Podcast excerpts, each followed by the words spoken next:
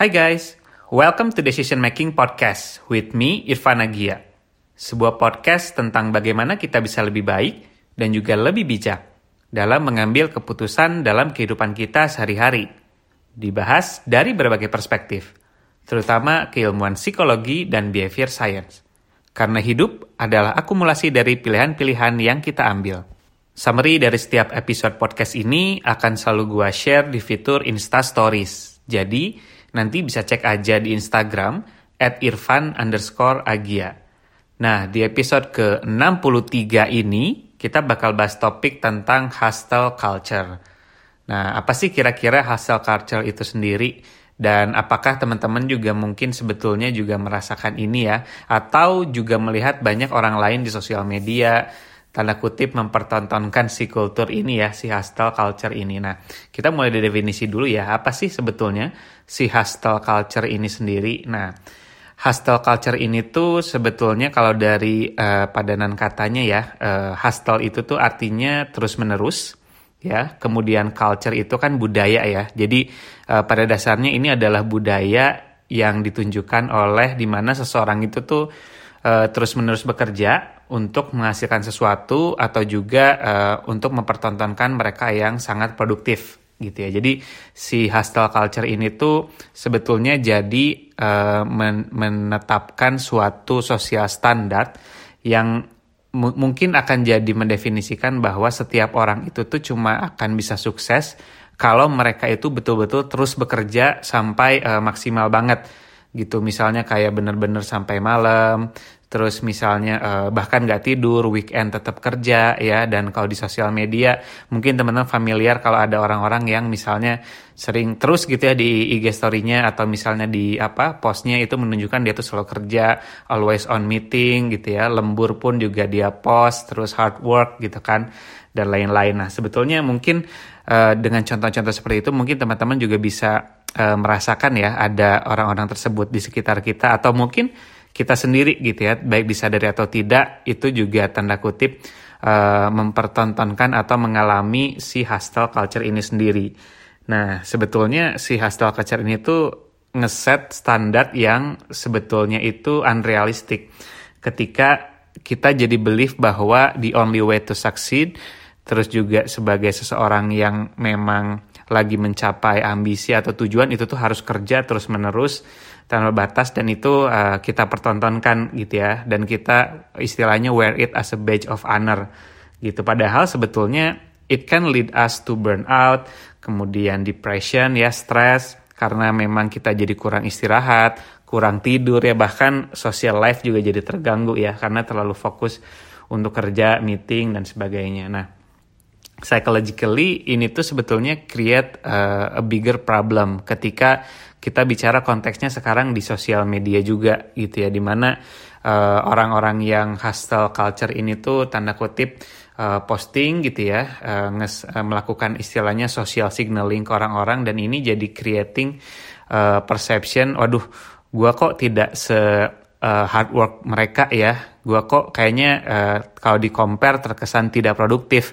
dibandingkan teman-teman yang memang selalu kelihatannya on meeting terus gitu ya. Nah jadi uh, berdasarkan beberapa artikel yang uh, eh, gue baca juga dari Psychology Today, orang yang memang sudah menjadi korban tanda kutip budaya gila kerja ini tuh meyakini bahwa selalu aktif gitu ya, selalu uh, looking always aktif itu adalah hal yang keren gitu ya. Kita uh, menyukai bekerja selama misalnya terus-terusan 24 jam nggak ada istirahat nggak ada waktu luang gitu ya. Nah jadi ini juga sebetulnya menambah lagi persepsi yang lain it's not just that hustling is good, but also that not hustling is bad gitu. Jadi ini bikin orang lihat juga, aduh kayak tadi yang sempat dibahas, ini kayaknya kita nggak seproduktif mereka gitu. Nah, sekarang kita bahas kenapa sih orang-orang itu melakukan hustle culture, why do we hustle?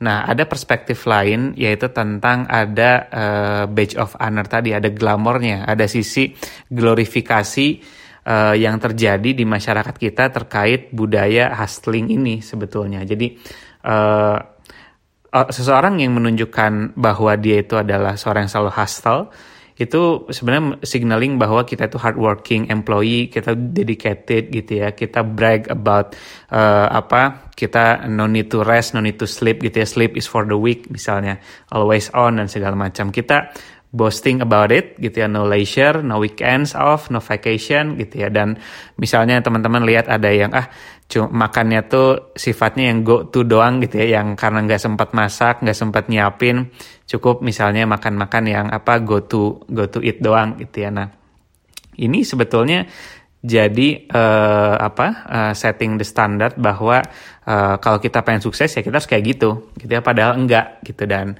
ini juga jadi misleading ketika kita bicara tentang produktivitas teman-teman nah orang-orang yang tanda kutip uh, budayanya gila kerja ini menganggap bahwa semakin mereka itu aktif bekerja semakin mereka itu sibuk semakin sering meeting itu uh, tanda kutip uh, equal dengan sukses, semakin dekat dengan produktivitas gitu. Padahal banyak sekali riset yang menunjukkan bahwa uh, apa bekerja terus menerus gitu ya, terus misalnya working longer hour itu tuh tidak selalu berkorelasi dengan uh, tingkat produktivitas gitu ya. Bahkan lebih banyak case di mana orang-orang yang sifatnya itu uh, bekerja secukupnya terus tetap ada restnya gitu ya, ada ada pacingnya, itu menunjukkan produktivitas yang lebih bagus dibandingkan orang yang terus menerus bekerja seperti itu. Jadi ini juga sebetulnya jadi backfire ketika kita jadi kurang tidur, kemudian kurang apa istirahat, jarang ada social life ya dengan uh, decision making kita gitu ya. Kita jadi misalnya kurang tidur itu bikin kita prone to make a bad decision making gitu ya. Karena kita uh, fatigue gitu ya, kelelahan, kita nggak optimal dalam mengambil keputusan gitu ya. Dan juga uh, kita kurang relationship dengan uh, teman-teman atau keluarga di sekitar kita seperti itu. Nah, sisi lain yang membuat uh, si hustle culture ini jadi terus menerus ada gitu ya, ada sampai sekarang selain tadi ya social signaling merasa keren gitu adalah uh, namanya toxic positivity juga gitu. Jadi ada ada psikolog klinis namanya Dr. James Zuckerman di Pennsylvania. Dia tuh uh, mengatakan bahwa melalui risetnya itu toxic positivity itu adalah dorongan untuk tetap berasumsi positif walaupun kita itu sedang mengalami situasi yang memang uh, tertekan gitu ya. Jadi kita obses dengan positive thinking gitu ya. Yuk bisa yuk gitu ya. Walaupun memang lagi butuh istirahat atau apa kita push ourselves dan selalu tanda kutip positive thinking ini bisa kok gitu ya. Jangan nyerah yuk pasti bisa kerja lagi kerja lagi atau masa gitu aja capek gitu ya. Kapan suksesnya? Nah, ini menjadi masalah karena uh, kita tuh istilahnya brushing off problem rather than facing them. Jadi kita ah ini biasa lah ini apa small price to pay deh untuk sukses gitu kan. Yuk bisa bisa gitu ya. Padahal kita juga realistis juga tubuh kita butuh istirahat, butuh break gitu ya. Tapi instead of it kita posting aja gitu di sosial media. Wah, gue ini hardworking banget. Aduh jam segini misalnya ngepost di IG story jam satu subuh atau jam 3 subuh masih buka laptop meeting etc gitu ya itu juga menjadi toxic gitu ya ketika kita tidak menyadari bahwa actually we are in the big problem gitu ya dengan uh, apa uh, working hours kita seperti itu. Nah, kemudian uh, apa apalagi sih ciri-cirinya orang yang uh, sudah tanda kutip terkonsumsi budaya gila kerja atau hasil culture ini. Jadi salah satu ciri utamanya juga adalah orang-orang uh, ini tuh akan merasa bersalah, akan feeling guilty apabila waktunya itu diisi dengan refreshing gitu atau istirahat. So it's very uh, toxic right ketika memang kita uh, seharusnya istirahat tapi kita merasa feeling guilty ketika kita taking break gitu. Jadi uh, mereka akan ngerasa segala hal yang mereka kerjakan itu aktivitasnya tuh harus berhubungan sama pekerjaan mereka gitu ya. Makin banyak bekerja mereka believe kalau itu tuh semakin dekat uh, jalan untuk uh, mewujudkan ambisi mereka gitu. Dan ya itu tadi mereka juga punya illusion bahwa kita ini adalah sekumpulan orang-orang yang produktif gitu. Pada yang tadi dibahas gitu ya. Ada studi juga dari uh, Pensavel di tahun 2014 itu menemukan memang gak linear gitu ya relationship between working longer hours dengan productivity gitu. Bahkan negara kayak Jepang aja kemarin kita denger ya ada newsnya mereka pengen nyoba untuk cuma empat hari ya empat hari workday gitu kan. Which itu sebetulnya kalau dari kalangan hustle culture itu kan membuang-buang waktu produktif sebetulnya ya Jumat yang harusnya bisa full seharian untuk uh, apa bekerja itu malah di cut gitu ya. jadi cuma sampai Kamis gitu ya. Kita juga dengar dulu uh, newsnya New Zealand ya itu juga lagi mencoba uh, menerapkan atau polisinya untuk jadi apa four days four work days a week gitu kan. Jadi uh, sebetulnya memang ini masih dalam development ya. Dan sebetulnya banyak riset juga yang menunjukkan nggak selalu kok gitu ya kita punya waktu banyak untuk bekerja itu equal dengan uh, produktivitas kita atau quality dari hasil yang kita uh, lakukan. Seperti itu. Jadi bahkan sudah banyak uh, riset yang menunjukkan ya working longer hour itu akan bikin kita fatigue, stress gitu ya. Jadi ini sangat kontraproduktif seperti itu. Nah, gimana sih kalau gitu uh, caranya untuk stop this uh, apa hostile culture ini gitu ya? Startnya dari mana sih? gitu. Nah, sebetulnya ini ada ada dua dua sisi ya yang harus kita pertimbangkan.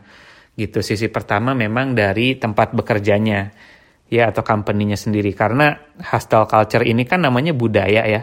Dan budaya ini tuh sering kali start at the top, at the management atau dari arahan brand atau company juga gitu. Kayak contoh misalnya ini satu case misalnya ada suatu startup kemudian ada venture kapitalis ya yang misalnya ingin invest gitu ya melalui mereka terus ngeset expectation pengen massive growth gitu ya biar bisa dapat uh, status misalnya unicorn gitu. Ini hypothetical aja. Nah ini bikin kayak si manajemen itu kan ada pressure-nya juga ya untuk bisa uh, reach that goal gitu ya. Terus misalnya uh, mereka akan tanda kutip uh, meminta karyawan-karyawannya juga untuk going towards this direction gitu ya dengan apa target-target uh, yang mungkin uh, most of it unrealistic gitu ya. itu bikin orang-orang jadi mau nggak mau step up di hostile culture ini ya. Jadi harus bekerja misalnya lebih awal gitu ya. Terus uh, misalnya apa bekerja lebih malam longer hours dan dan lain sebagainya gitu. Jadi memang di satu sisi uh, dari company-nya pun harus lebih memperhatikan uh, well apa uh, well being ya. Dan juga uh, tingkat produktivitas dari employee-employee-nya. Seperti itu. Dan yang kedua adalah dari kita sendiri gitu ya. Dari orang yang mengalaminya dan melakukan si hostile culture ini gitu. Jadi memang uh, kebanyakan orang gitu ya justru ini gue bilangnya mungkin kayak semacam apa ya ma masochicism gitu ya. Jadi dalam arti kita itu tanda kutip menyakiti diri sendiri gitu ya tapi kita get a pleasure of it gitu ya. Karena misalnya dengan kita bekerja keras banget terus kita harus social signaling ya di sosial media apa-apa semua postnya tentang meeting meeting meeting gitu ya. Terus misalnya aktivitas mereka yang sibuk banget. Tapi dapat pleasure dari orang-orang yang uh, komen misalnya wah gila lo uh, rajin banget wah gila ini lo hardworking banget dan sebagainya. Kita dapat pleasure dari itu. Walaupun tanpa sadar ini itu kita destroying our apa uh, our uh, sleep hour juga gitu ya. Terus waktu kita untuk social relationship seperti itu. Nah jadi yang pertama adalah bagi kita yang mengalaminya start with awareness teman-teman. Jadi kita harus aware dulu gitu ya kalau kita tuh memang dalam cycle yang uh, hostile culture ini seperti itu. Apakah misalnya kita merasa uh, terlalu consume dengan pekerjaan kita, apakah kita jadi merasa feeling guilty kalau kita take a break? Nah, itu adalah sign atau tanda-tanda bahwa uh, kita itu berada dalam cycle tersebut gitu. Jadi, kita harus tanya juga apakah kita sebetulnya feeling exhausted gitu ya, apakah kita no life gitu ya.